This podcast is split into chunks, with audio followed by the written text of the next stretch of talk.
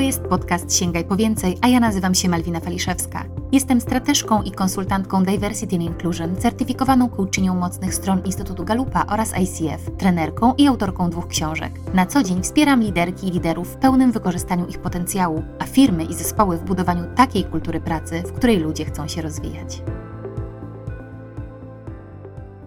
Dzień dobry, witam Was bardzo serdecznie w kolejnym odcinku podcastu i myślę, że dziś temat, który przywołuję, jest bardzo ważny dla nas wszystkich, niezależnie od wieku, płci, tego czym się zajmujecie, bo temat jest bardzo uniwersalny. Dzisiaj moją gościnią jest Maja Mazurkiewicz, ekspertka do spraw walki z dezinformacją i zmian behawioralnych. Cześć Maju, bardzo miło mi słyszeć Ciebie w moim podcaście. Cześć Malwina, również bardzo miło tutaj być. Witam serdecznie. Myślę, że spotykamy się w szczególnym momencie, w takim momencie, kiedy my w Polsce jesteśmy tuż przed ważnym momentem, tak, przed wyborami i od razu tak mi się skojarzyło, że to, czym ty się zajmujesz na co dzień, czyli walką z dezinformacją, to jest coś, co jest niezwykle ważnym tematem dzisiaj. To, jak to mocno jest powiązane z tym, co czytamy w internecie, z fake newsami, z różnymi emocjami, które tak naprawdę mamy pod wpływem czytania różnych informacji w internecie internecie, no i też to, jak to wpływa na nasze wybory. Więc o tym bym chciała porozmawiać, ale jeszcze nim to wszystko i zacznę zadawać Ci pytanie, to też bardzo mi zależy powiedzieć, jak bardzo niezwykłe doświadczenie posiadasz. Jesteś współzałożycielką organizacji Alliance for Europe, gdzie pełnisz funkcję szefowej komunikacji strategicznej. Jesteś założycielką Fundacji Future Force oraz wiceprezydentką Stowarzyszenia Free European Media. Skąd taka Twoja pasja, Maju, do zajmowania się właśnie takimi tematami? To ja zawsze byłam osobą, która chciała zmieniać świat, Europę. Jeszcze jako młoda licealistka działałam przy kampanii referendalnej do wejścia Polski, wejścia do Unii Europejskiej i patrzyłam trochę na to, co się dzieje i jak to, co się dzieje w tym momencie naszego życia, tu i teraz, wpływa też na naszą przyszłość. W 2015 roku, czy do 2015 roku pracowałam w kancelarii prezydenta Komorowskiego i też wcześniej działałam przy różnych kampaniach politycznych. W 2015 roku to, co zmieniło w dużej mierze wybory i decyzje wielu Polaków, była dezinformacja. Wtedy było już bardzo dużo dezinformacji w kontekście migracji i przyjęcia uchodźców do Unii Europejskiej. Zaczęłam się zastanawiać właśnie na tym, jak ona wpływa na nasze wybory, jak wpływa na wybory nie tylko te polityczne, ale generalnie takie podejmowane przez nas, jak wpływa na nasze zachowania. I od 2016 roku zaczęłam się tym zajmować, bo uważam, że komunikacja jest kluczowa i bardzo ważna, że bardzo mocno zmienił się świat, w którym żyjemy, bo przeniósł się również online, a my też nie jesteśmy w stanie sobie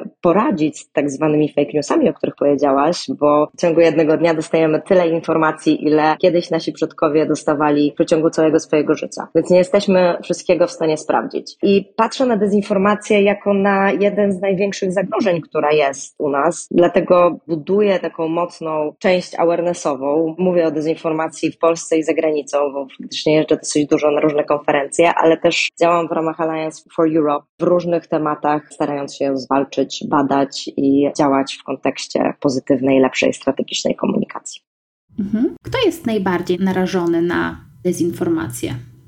Wszyscy jesteśmy narażeni na dezinformację. Może zacznę jeszcze od takiego wstępu, że często się używa w doktrynie dwóch słów, czyli misinformacja i dezinformacja. Mhm. Misinformacja to są generalnie nieprawdziwe informacje, które są rozprzestrzeniane bez żadnego celu, natomiast dezinformacja to są nieprawdziwe informacje, które są rozprzestrzeniane w danym celu. I bardzo często są one używane między innymi przez Rosję, ale też przez partie polityczne czy, czy rząd w Polsce. Więc są one używane po to, żeby zmienić nastroje, żeby wpłynąć na ludzi i żeby między innymi wygrać wygrać wybory. Więc każdy z nas jest na nią narażony, ponieważ jest ona tworzona w bardzo przemyślany sposób oddziałuje na naszą psychologię, na nasz mózg, na nasze emocje. Więc jeżeli nie jesteśmy świadomi tego, że ona jest w eterze, to jesteśmy tym bardziej na nią wrażliwi. Czyli to wszystko, co kryje się pod hasłem farmy troli, to są działania związane z dezinformacją. Bardzo często słyszymy to. Zastanawiam się, czy każdy wie, co to w ogóle znaczy, jakbyś mogła wytłumaczyć w ogóle, jak działają. No bo to nie są jakieś ludki, które siedzą trole tam, tylko to jest po prostu taka nazwa, ale wyjaśnij proszę, co się pod tym kryje i czego możemy się obawiać w związku z tym. W kontekście dezinformacji mamy bardzo wiele różnych metod i znowu dzielimy ją na część narracyjną, i tego, jakie narracje są wypuszczane, czyli tutaj o jednej już wspomniałam, czyli narracje antymigracyjne i one są tak naprawdę najłatwiejsze do budowania przez tak zwanych aktorów, którzy zajmują się dezinformacją, ponieważ działają na mechanizmie, który nazywa się my versus oni, czyli działa dokładnie na polaryzację. I to, co mamy w Polsce teraz bardzo często, nie jesteśmy w stanie usiąść przy stole, nawet z członkami naszej rodziny, którzy głosują na naszą partię. I to w dużej mierze jest powodem właśnie rozprzestrzeniania różnych dezinformacji i działania takich bardzo negatywnych działań no, między innymi robi to też teraz partia rządząca przeciwko Donaldowi Tuskowi i mamy tutaj dużo różnych tematów dezinformacyjnych, które też widzimy i którymi się zajmujemy. A druga część to są tak zwane operacje wpływu. I tutaj można wrzucić temat między innymi farmy troli, o których mówiłaś i którym faktycznie jest całkiem popularny i dużo o nim mówi się w mediach. I operacje wpływu są operacjami, które rozprzestrzeniają dezinformacje, są tworzone przez różne państwa, w Polsce w dużej mierze przez Rosję, ale również przez inne organizacje organizacje, które właśnie chcą działać i są wieloetapowymi strategiami. Jedną ze strategii, która jest tam używana, to jest właśnie budowanie grupy osób, które będą rozprzestrzeniać ten sam przekaz w internecie, żeby był większy, mocniejszy, bardziej słyszalny, a tym bardziej, żeby na nas wpływał. I są one, tak jak już wcześniej wspominałam, bardzo mocno działające na naszych emocjach. I te emocje, które myślę, że warto uważać w ogóle, jeżeli coś czytamy w internecie, to jest strach i złość. I to są dwie najmocniejsze emocje używane bardzo mocno przez jednostki, czy instytucje, czy państwa, które używają dezinformacji. Więc jeżeli widzimy coś, co czy czytamy, czy widzimy jakiś film, który momentalnie budzi w nas emocje strachu czy agresji, to warto się zatrzymać, wrócić do siebie, pomyśleć, ok, to, to może być ktoś, kto chce mną manipulować, to może zamiast podawać to dalej, czy wierzyć, że to jest prawda, zatrzymam się, wyłączę i sprawdzę fakty. Super, że o tym mówisz, bo to jest już jedna z takich technik, które możemy stosować do tego, żeby no właśnie nie rozprzestrzeniać tego dalej i też nie dać się tej manipulacji. A możesz podać takie przykłady ostatnich, no właśnie związanych pewnie, myślę, że w dużej mierze mogło być to związane chociażby ze sprawami uchodźców, albo w momencie, kiedy do Polski napłynęła taka duża liczba Ukraińców w związku z wojną. Jak dużo i jakie na przykład były tego typu dezinformacje, które się pojawiały w sieci? Tak, jeżeli chodzi o temat ukraińskich uchodźców, to niestety widzimy coraz więcej dezinformacji antyukraińskiej. My jako Alliance for Europe mamy program, który nazywa się Partnership Hub i tam patrzymy na holistyczne spojrzenie pomocy uchodźcom. Mamy Mamy 10 organizacji, które z nami współpracują, trzy ścieżki działania, czyli pomoc psychologiczną, aktywizację zawodową i integrację i mamy też badania, więc patrzymy sobie na to właśnie, co się dzieje w internecie i widzimy niestety bardzo dużo tej dezinformacji na temat ukraińskich uchodźców, która jest rozprzestrzeniana, podawana dalej. Między innymi film, który stał się wiralem Maxa Kolonki, który opowiada o historii Ukrainy w sposób no, zdecydowanie niehistoryczny, a raczej rzucający bardzo dużo kłamstw. I to jest niebezpieczne, ponieważ ten film na przykład podała mi znajoma na Podkarpaciu, która dostała go od syna, tak? I syn pomimo jakichś historycznych lekcji w szkole zaczął podważać to, że w ogóle Ukraina ma być krajem. Także mamy tutaj bardzo dużo takiej dezinformacji, ale też dezinformacji, która próbuje nas polaryzować. I to są naturalne procesy. To nie jest to, że my w Polsce jesteśmy pod tym względem inni. Takie same procesy zachodziły między innymi w Niemczech, jak właśnie Niemcy przyjęły uchodźców w 2015 roku. To jest to, o czym powiedziałam wcześniej. Naturalnymi procesami jest, że jeżeli jest bardzo dużo negatywnych czy fałszywych informacji na temat jednej grupy, to zmieniają one postawy. I tutaj wiesz, mogę Ci powiedzieć oczywiście o tych tematach antyukraińskich, ale też jestem gdańszczanką, więc Często wracam do tematu zabójstwa Pawła Adamowicza, który został zamordowany w trakcie super wydarzenia, czyli pośpu, a został zamordowany przez osobę, która siedziała wcześniej w więzieniu. I miasto Gdańsk zrobiło takie badanie, ile razy w roku wcześniejszym były podawane negatywne i fałszywe informacje na jego temat w telewizji polskiej, to było ponad 1700 razy. Więc jeżeli sobie o tym pomyślimy, i to były takie po raz pierwszy informacje podawane, więc pewnie było ich nawet więcej. Więc jeżeli sobie pomyślimy o kimś, kto tylko ogląda na przykład taką telewizję i widzi tyle razy jakieś negatywne informacje, no to budzi w sobie negatywne emocje, które mogą doprowadzić nawet do śmierci, więc dezinformacja czy mowa nienawiści zabija i musimy mieć też tego świadomość. I to też działo się zresztą w Birmie, Indiach były bardzo często takie case'y rozprzestrzeniane na WhatsAppie, więc musimy naprawdę uważać, co jest dalej podawane i to nie tylko jak patrzymy w nasze social media, ale też nawet jak rozmawiamy z rodziną, znajomymi i przyjaciółmi. Tak jak o tym mówisz, to kojarzy mi się sytuacja, akurat znowu wrócę do osób z Ukrainy. W pewnym momencie pojawiła się taka informacja, że dla Twojego dziecka zabraknie miejsca w żłobku i w przedszkolu, bo pierwszeństwo mają właśnie osoby z Ukrainy. No i to znowu myślę, że jest coś, co właśnie tak jak powiedziałaś, to rodzi jakąś moją złość. Dlaczego ja w swoim kraju mogę nie mieć miejsca dla dziecka mojego, na przykład w żłobku czy w przedszkolu. I też tak sobie teraz na gorąco analizując tę sytuację, myślę, że to też najpierw, żeby właśnie jako Polska wykazaliśmy się taką dużą otwartością, no i pewnie myślę, że Rosji było to bardzo nie na rękę, że jednak Polska tak bardzo przyjęła Ukrainę i ja gdzieś tam dokopałam się, że to jest taka dezinformacja szerzona przez Rosję po to, żeby zantagonizować nastroje polsko-ukraińskie. Powiedz, czy to ten przykład też zalicza się do tego, o czym mówisz? W lutym 2022 roku obudziliśmy się po prostu w wielkim szoku, tak? Ale też to, co zrobiliśmy, to otworzyliśmy nasze serca. Byliśmy na granicy, otwieraliśmy nasze domy, przyjmowaliśmy uchodźców z Ukrainy, którzy naprawdę tego potrzebowali i potrzebują tego do dziś. Dzięki temu, że mieliśmy tam bardzo dużo miłości, bo ja też na to patrzę, na to, jakie emocje były, to, to był tam strach, bo na pewno było tam sporo strachu takiego, że mamy wojnę za naszą granicą i pytanie, czy to nie będzie też u nas, ale było też tam bardzo dużo empatii. I myślę, że to jest, tak jak już powiedziałaś, coś, czego Putin się nie spodziewał bo wcześniej już też były inne kryzysy. Z reguły te kryzysy szybko destabilizowały państwa i to jest coś, co od lat jest sprawdzone między innymi przez EU Stratcom, czyli taką instytucję Unii Europejskiej, która zajmuje się zwalczaniem dezinformacji, że Rosji zależy na destabilizacji i polaryzacji społeczeństw zachodnich. Więc myślę, że on myślał, że po prostu to, co się stanie, to my wszyscy właśnie będziemy od tego uciekać, będzie bardzo duże też zamieszanie w Polsce, tak? Czyli ta wojna jakby bardzo mocno wpłynie też w takim kierunku negatywnym na Polskę, co na początku zdecydowanie zdecydowanie się nie zdarzyło. Ale my też jako Alliance for Europe zajmujemy się badaniem wpływu dezinformacji na zmiany postaw Polaków i patrzyliśmy, jakie są narracje, patrzyliśmy, jaka jest dezinformacja antyukraińska w Polsce i było jej masa. I niestety zaczęła ona jakoś tam wpływać też na nasze postawy, tak jak mówisz. Jest ona bardzo mądrze robiona, ponieważ sprawia, że jesteśmy źli, dotyka nas naszych trudności, tak? gdzie jest inflacja w tym momencie, że faktycznie czasami jest nam trudniej niż było i osoby, czy instytucje, czy państwa, które tą antyukraińską narrację dają, robią wszystko, żeby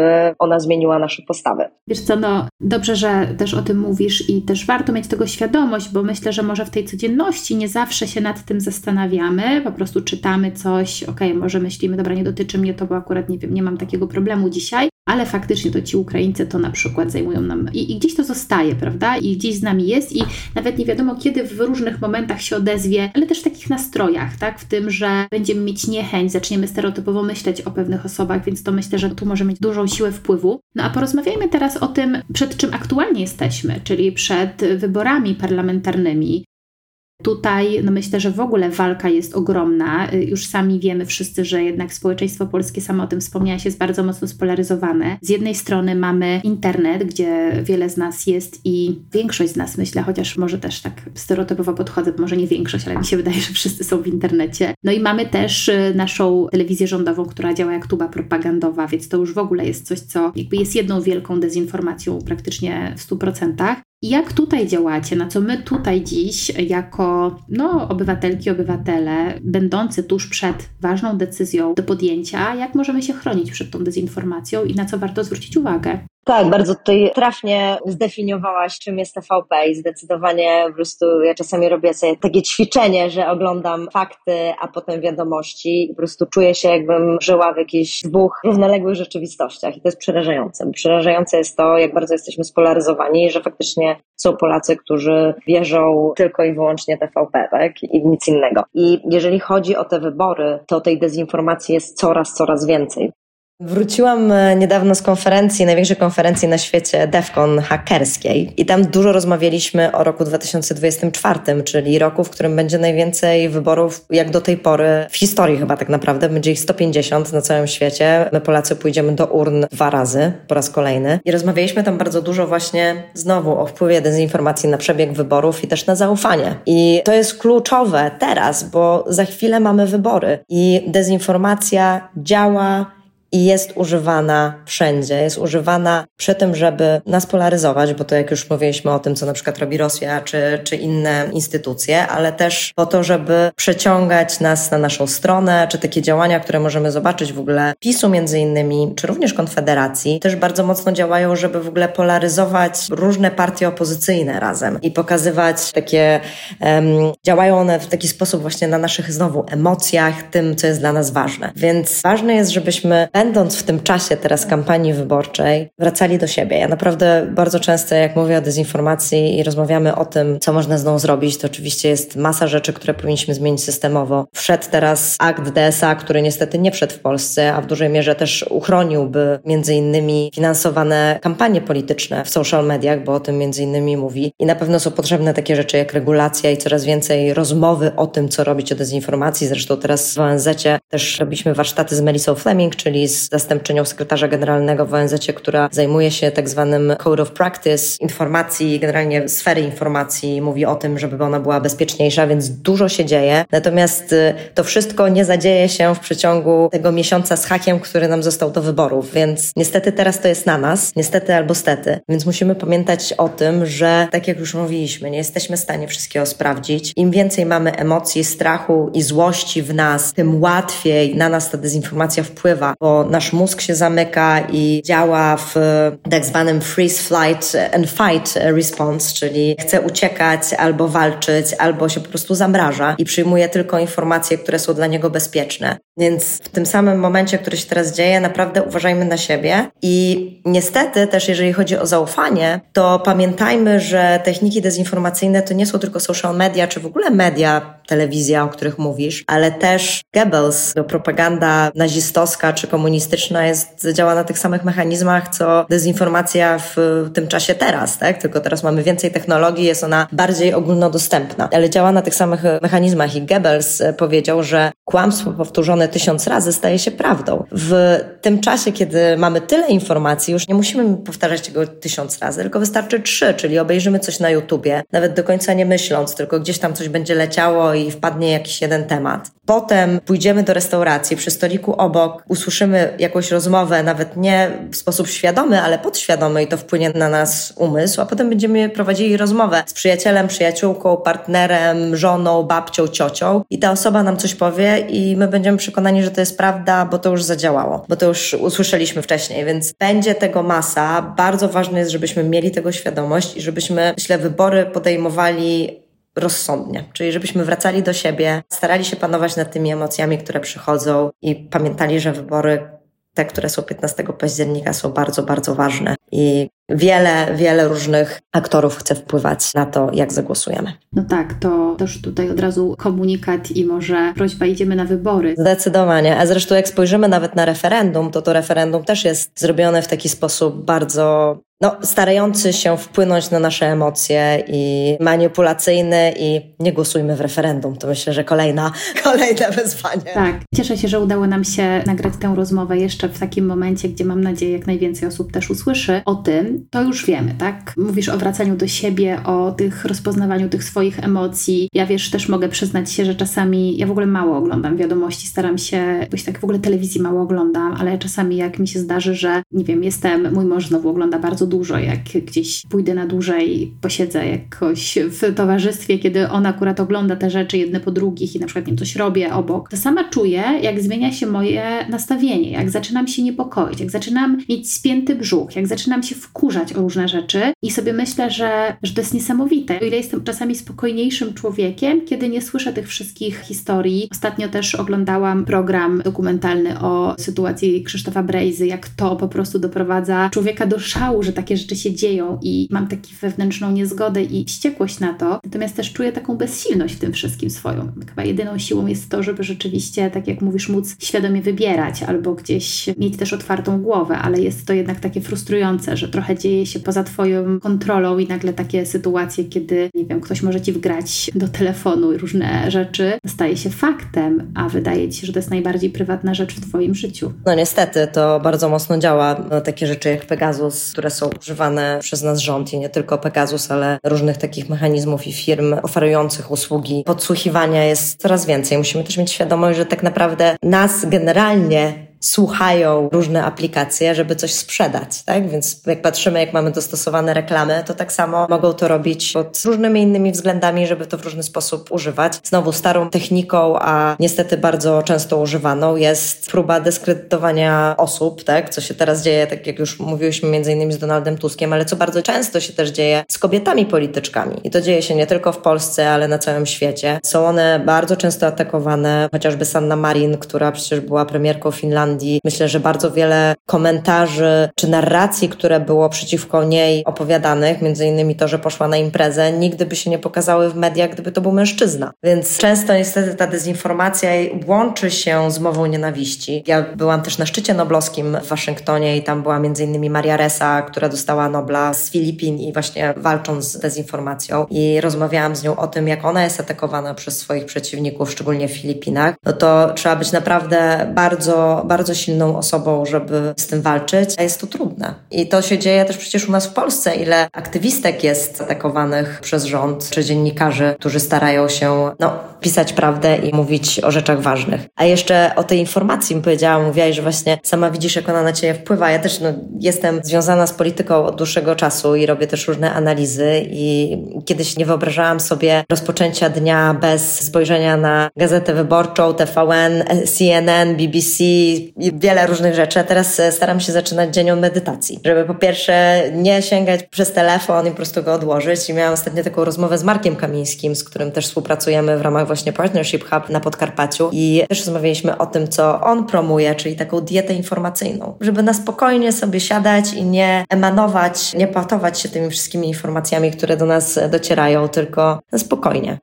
To nie jest tak, że jak o czymś nie będziemy wiedzieć, to, to będzie dramat. Oczywiście dobrze być poinformowanym, ale miejmy świadomość, jak to działa. Tak, to też ważne. Maja, jeszcze wróciłabym w ogóle do organizacji, którą współtworzysz, czyli Alliance for Europe. To co wy na takim poziomie globalnym, europejskim możecie robić? Jak wy śledzicie tę dezinformację? Co możecie wyciągnąć? Zakładam, że przeglądając jakiś internet czy jakieś rzeczy, które są gdzieś tam wewnątrz, pod spodem, to co tam możecie zobaczyć? Możemy zobaczyć wszystko, bo współpracujemy ze świetnymi osobami, którzy są ekspertami też do właśnie zwalczania dezinformacji, ale też researcherami tak zwanego OSINT-u, czyli siedzą w internecie i patrzą nie tylko to, co jest w mediach, ale też w tak zwanym darknecie, na telegramie i w innych miejscach. Jesteśmy w stanie wyśledzić między innymi skąd dana narracja się pojawiła, kto pierwszy wypuścił jakiś temat, gdzie właśnie zaczęły się te operacje wpływu tak zwane. I generalnie my pracujemy z takim językiem, wspólnym językiem do dezinformacji, który współtworzymy z Fundacją Disarm, który się nazywa Disarm. Jest e, stworzony przez grupę ekspertów cyberbezpieczeństwa, głównie ze Stanów Zjednoczonych, ale też z Europy i teraz e, cały czas go rozwijamy. I działa w taki sposób, żeby właśnie pomagać różnym osobom, różnym badaczom internetu e, współdziałanie. I wtedy możemy zobaczyć więcej, bo ja generalnie uważam, że razem jesteśmy silniejsi, dlatego też stworzyłam Alliance for Europe i większość rzeczy, które robię, to na tym się opiera. Uważam, że sama mogę mało, ale jeżeli robimy coś razem, to jest zdecydowanie mocniejsze. I teraz rozpoczęliśmy też działania w Polsce i jako Alliance for Europe z OCOPRESS i z DFR Lab Atlantic Council rozpoczęliśmy takie centrum wymiany i analizy informacji. Mamy już ze sobą pierwsze raporty i pewnie jak ten podcast wyjdzie, pójdzie już pierwszy artykuł, który pisze Ania Mierzyńska o właśnie pokazywaniu wpływu Rosji i innych na te wybory. Więc działamy w taki sposób, że badamy bardzo mocne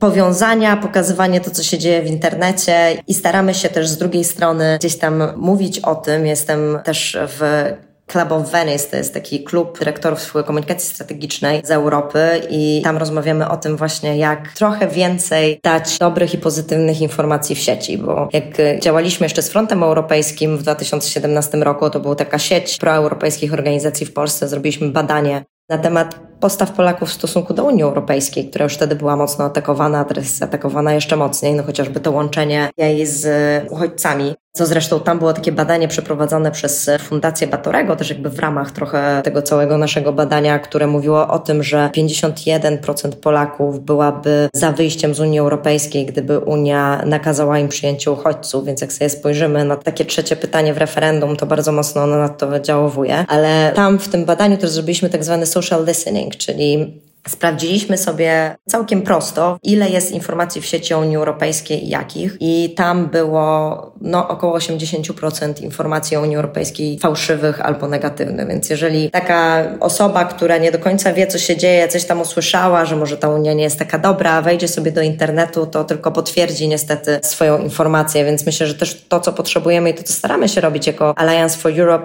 pracujemy z Komisją Europejską i z różnymi też organizacjami obywatelskimi z całej Europy, E, społeczeństwa obywatelskiego. Staramy się też e, promować Unię Europejską i pokazywać, że to nie jest tylko i wyłącznie jakaś polityczna organizacja, ale że to jest nasza wspólnota. I że to jest naprawdę najpiękniejsze to, że razem jesteśmy silniejsi będąc tej Unii Europejskiej i też dzięki Unii Europejskiej możemy bez problemu przekraczać granice, być razem, czuć się częścią wspólnoty, a też jeżeli nawet mówimy o wojnie, której możemy się gdzieś bać, to tak naprawdę tylko będąc w tej wspólnocie możemy się przeciwstawić. Tak mnie zastanowiło to, że jak powiedziałeś, że rzeczywiście mm, jesteście w stanie wyśledzić skąd pochodzą te informacje i wiecie na przykład, co jest tym zaczątkiem, co sprawia, co powoduje taki viral na przykład później, to oprócz tego, że to wyśledzicie, to teraz jakie jest to działanie, które ma to naprawić? Czy wy jesteście jakoś w stanie dotrzeć do konkretnych osób? Jakby, jakie macie jakby taką siłę wpływu, oprócz tego, że wy wypuszczacie więcej pozytywnych informacji? To co tak naprawdę możecie zrobić z tym? Zapraszam na stronę właśnie Fundacji Disarm, którą można znaleźć, bo tam jest cały ten, i to oczywiście już może dla osób, które bardziej chcą wejść i zrozumieć w ogóle jak to działa, ale tam mamy dwie tabele. Czyli z jednej strony mamy tabelę, w której badacze internetu badają tą dezinformację i pokazują, jakie są narzędzia wpływu, czyli na przykład wypuszczenie hashtagów, farmatroli, o której powiedziałaś, tak? czy wypuszczenie jakichś konkretnych narracji, czy fałszywych na przykład sondaży, co też się zresztą wydarzyło ostatnio w polskiej kampanii politycznej teraz. Więc sprawdzamy takie rzeczy, a z drugiej strony mamy kolejną tabelkę, w której możemy zobaczyć, jak najlepiej odpowiedzieć na dany temat. Bo czasami jest tak, ja na przykład nie mówiłam o zmianach postaw Polaków w stosunku do Ukraińców przez dłuższy okres czasu, przynajmniej publicznie, ponieważ to się nie działo, tak? Czyli były te antyukraińskie narracje gdzieś, ale całe szczęście my cały czas gdzieś byliśmy jeszcze pozytywnie nastawieni, tak? A teraz jest to widoczne i jest to już w mainstreamie niestety, jest to już widoczne. Więc inaczej trochę nad tym odpowiadamy i można o tym rozmawiać i warto o tym rozmawiać. Dlaczego o tym mówię? Bo bardzo często publikowanie czegoś daje tej narracji dezinformacyjnej jeszcze więcej powietrza. I to się na przykład wydarzyło z QAnon. Zrobiliśmy taki raport jako Alliance for Europe też a propos QAnonu i to była no, idea dezinformacyjna mocno i wręcz no, taka działająca w Stanach Zjednoczonych, o której w pewnym momencie napisał w Europie Spiegel i dał to na swoją okładkę. Więc coraz więcej osób zaczęło szukać, co to jest i zaczęło w to wierzyć. Więc bardzo często właśnie o dezinformacji czy na takich narracjach nie warto od razu mówić i pisać, bo się dodaje temu tak zwanego powietrza, tylko raczej próbować znajdować gdzieś tam pozytywne przekazy, które mogą sprawić, że ludzie nie będą chcieli w to wierzyć. Tak? Mhm, czyli na przykład nawet czasami lepiej jest nie komentować pod nieprawdziwym newsem, że hej, to jest nieprawda, bo tak naprawdę zasilamy algorytm, albo też naszym znajomym się pokazało na przykład na Facebooku, że skomentowałaś coś tam, więc oni tam wchodzą, znowu dają temu uwagę i znowu to zasila Zdecydowanie tak, zdecydowanie tak. Znaczy jakby to w ogóle, jak robiliśmy też wojowników klawiatury parę lat temu, to zaczynaliśmy właśnie zastanawiać się, jak możemy lepiej tutaj w sieci dawać pozytywne informacje i też odpowiadać na właśnie takie fałszywe informacje i to już wtedy zobaczyliśmy, że zdecydowanie nie komentować pod fałszywymi postami, bo tak jak mówisz, dodaje to dezinformację, więc raczej jeżeli zobaczymy, że ktoś ze znajomych coś spostował, co jest dezinformacją, czy fałszywą informacją, czy manipulującą informacją, dużo lepiej napisać do tej osoby prywatną wiadomość, powiedzieć, hej, wiesz, że to nieprawda, może to lepiej ściągnij, niż komentować pod, bo tak jak mówisz, no niestety tak działa algorytm, tak? Algorytm to jest kolejna rzecz, o której warto też rozmawiać i potrzebuje systemowej zmiany właśnie w kontekście przyszłościowym, a platformy na ten moment cały czas zarabiają większe pieniądze na dezinformacji niż na prawdziwych informacjach, no bo jest tam więcej klikalności. I emocji. Więc mamy bardzo, i emocji. No jeżeli są emocje, to jest e, klikalność i tak zresztą widać też bardzo dużo cały czas mediów, więc myślę, że to jest kolejna systemowa zmiana, która jest potrzebna, czyli zmiana finansowania mediów też w taki sposób, żeby media nie musiały walczyć o klikalność tylko i wyłącznie nagłówkami, które bardzo często nie mają nic wspólnego z tym, co jest napisane w tekście. I to są cały czas rzeczy, o których warto mówić, a to wszystko tak naprawdę, jeszcze powiem Ci Malwina, jak już rozmawiamy o takich rzeczach, które mogą pomóc nam z tym zwalczeniem dezinformacji, jako że to jest wyzwanie, które jest nie tylko tu i teraz, ale wyzwanie na przyszłość. Potrzebujemy bardzo dużo edukacji. To jest właśnie coś, co przyszło mi do głowy na podsumowanie tej rozmowy, że z jednej strony, jak Ciebie słucham, widzę, jak szeroki i skomplikowany temat to jest, jak dużo jest tego wszystkiego, z czego przeciętna osoba nie zdaje sobie sprawy, widząca jakby interfejs różnych social mediów, internetu, a nie widząca tego, co się dzieje, co to wszystko zasila i jak to wygląda od środka. Więc myślę sobie, że takie na podsumowanie ta edukacja, czyli budowanie swojej świadomości. Nie musimy być ekspertami, tak jak myślę ty czy jakieś inne osoby od dezinformacji, ale właśnie takich jednak pewne podstawy są konieczne, żeby, no, żeby być osobą, która no, może podejmować racjonalne decyzje w oparciu o rzeczywiście solidną wiedzę i o jakieś racjonalne przesłanki, a nie o fake newsy.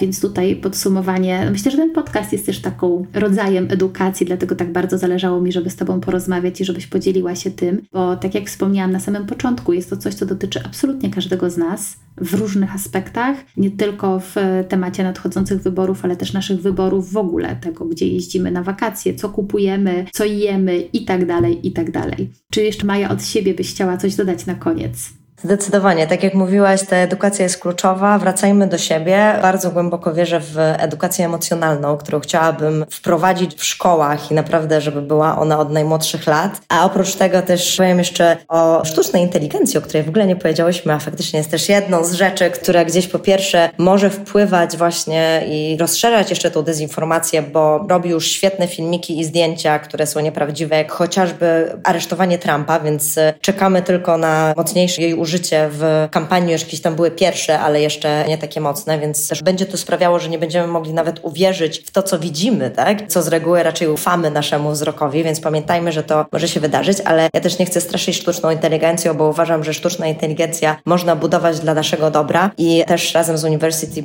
of Berkeley i Goodly Labs, taką amerykańską organizacją, wspomagamy budowę Public Editora, które jest właśnie rozwinięciem sztucznej inteligencji do badania dezinformacji, ale też jest tam w języku angielskim, co prawda na razie, ale taki kurs edukacyjny i właśnie jak sobie radzić z dezinformacją, jak ją badać, jak ją sprawdzać, jak ona jest tworzona. Więc jeżeli ktoś byłby bardziej zainteresowany, to zachęcam. A dokładnie teraz nie bójmy się, bo strach mocno wspiera osoby, które dezinformację rozpuszczają, ale miejmy świadomość tego, że ona jest, miejmy świadomość, że warto czytać i słuchać, tak jak powiedziałaś, sprawdzonych źródeł i idźmy na wybory 15 października, głosując zgodnie z naszym sumieniem.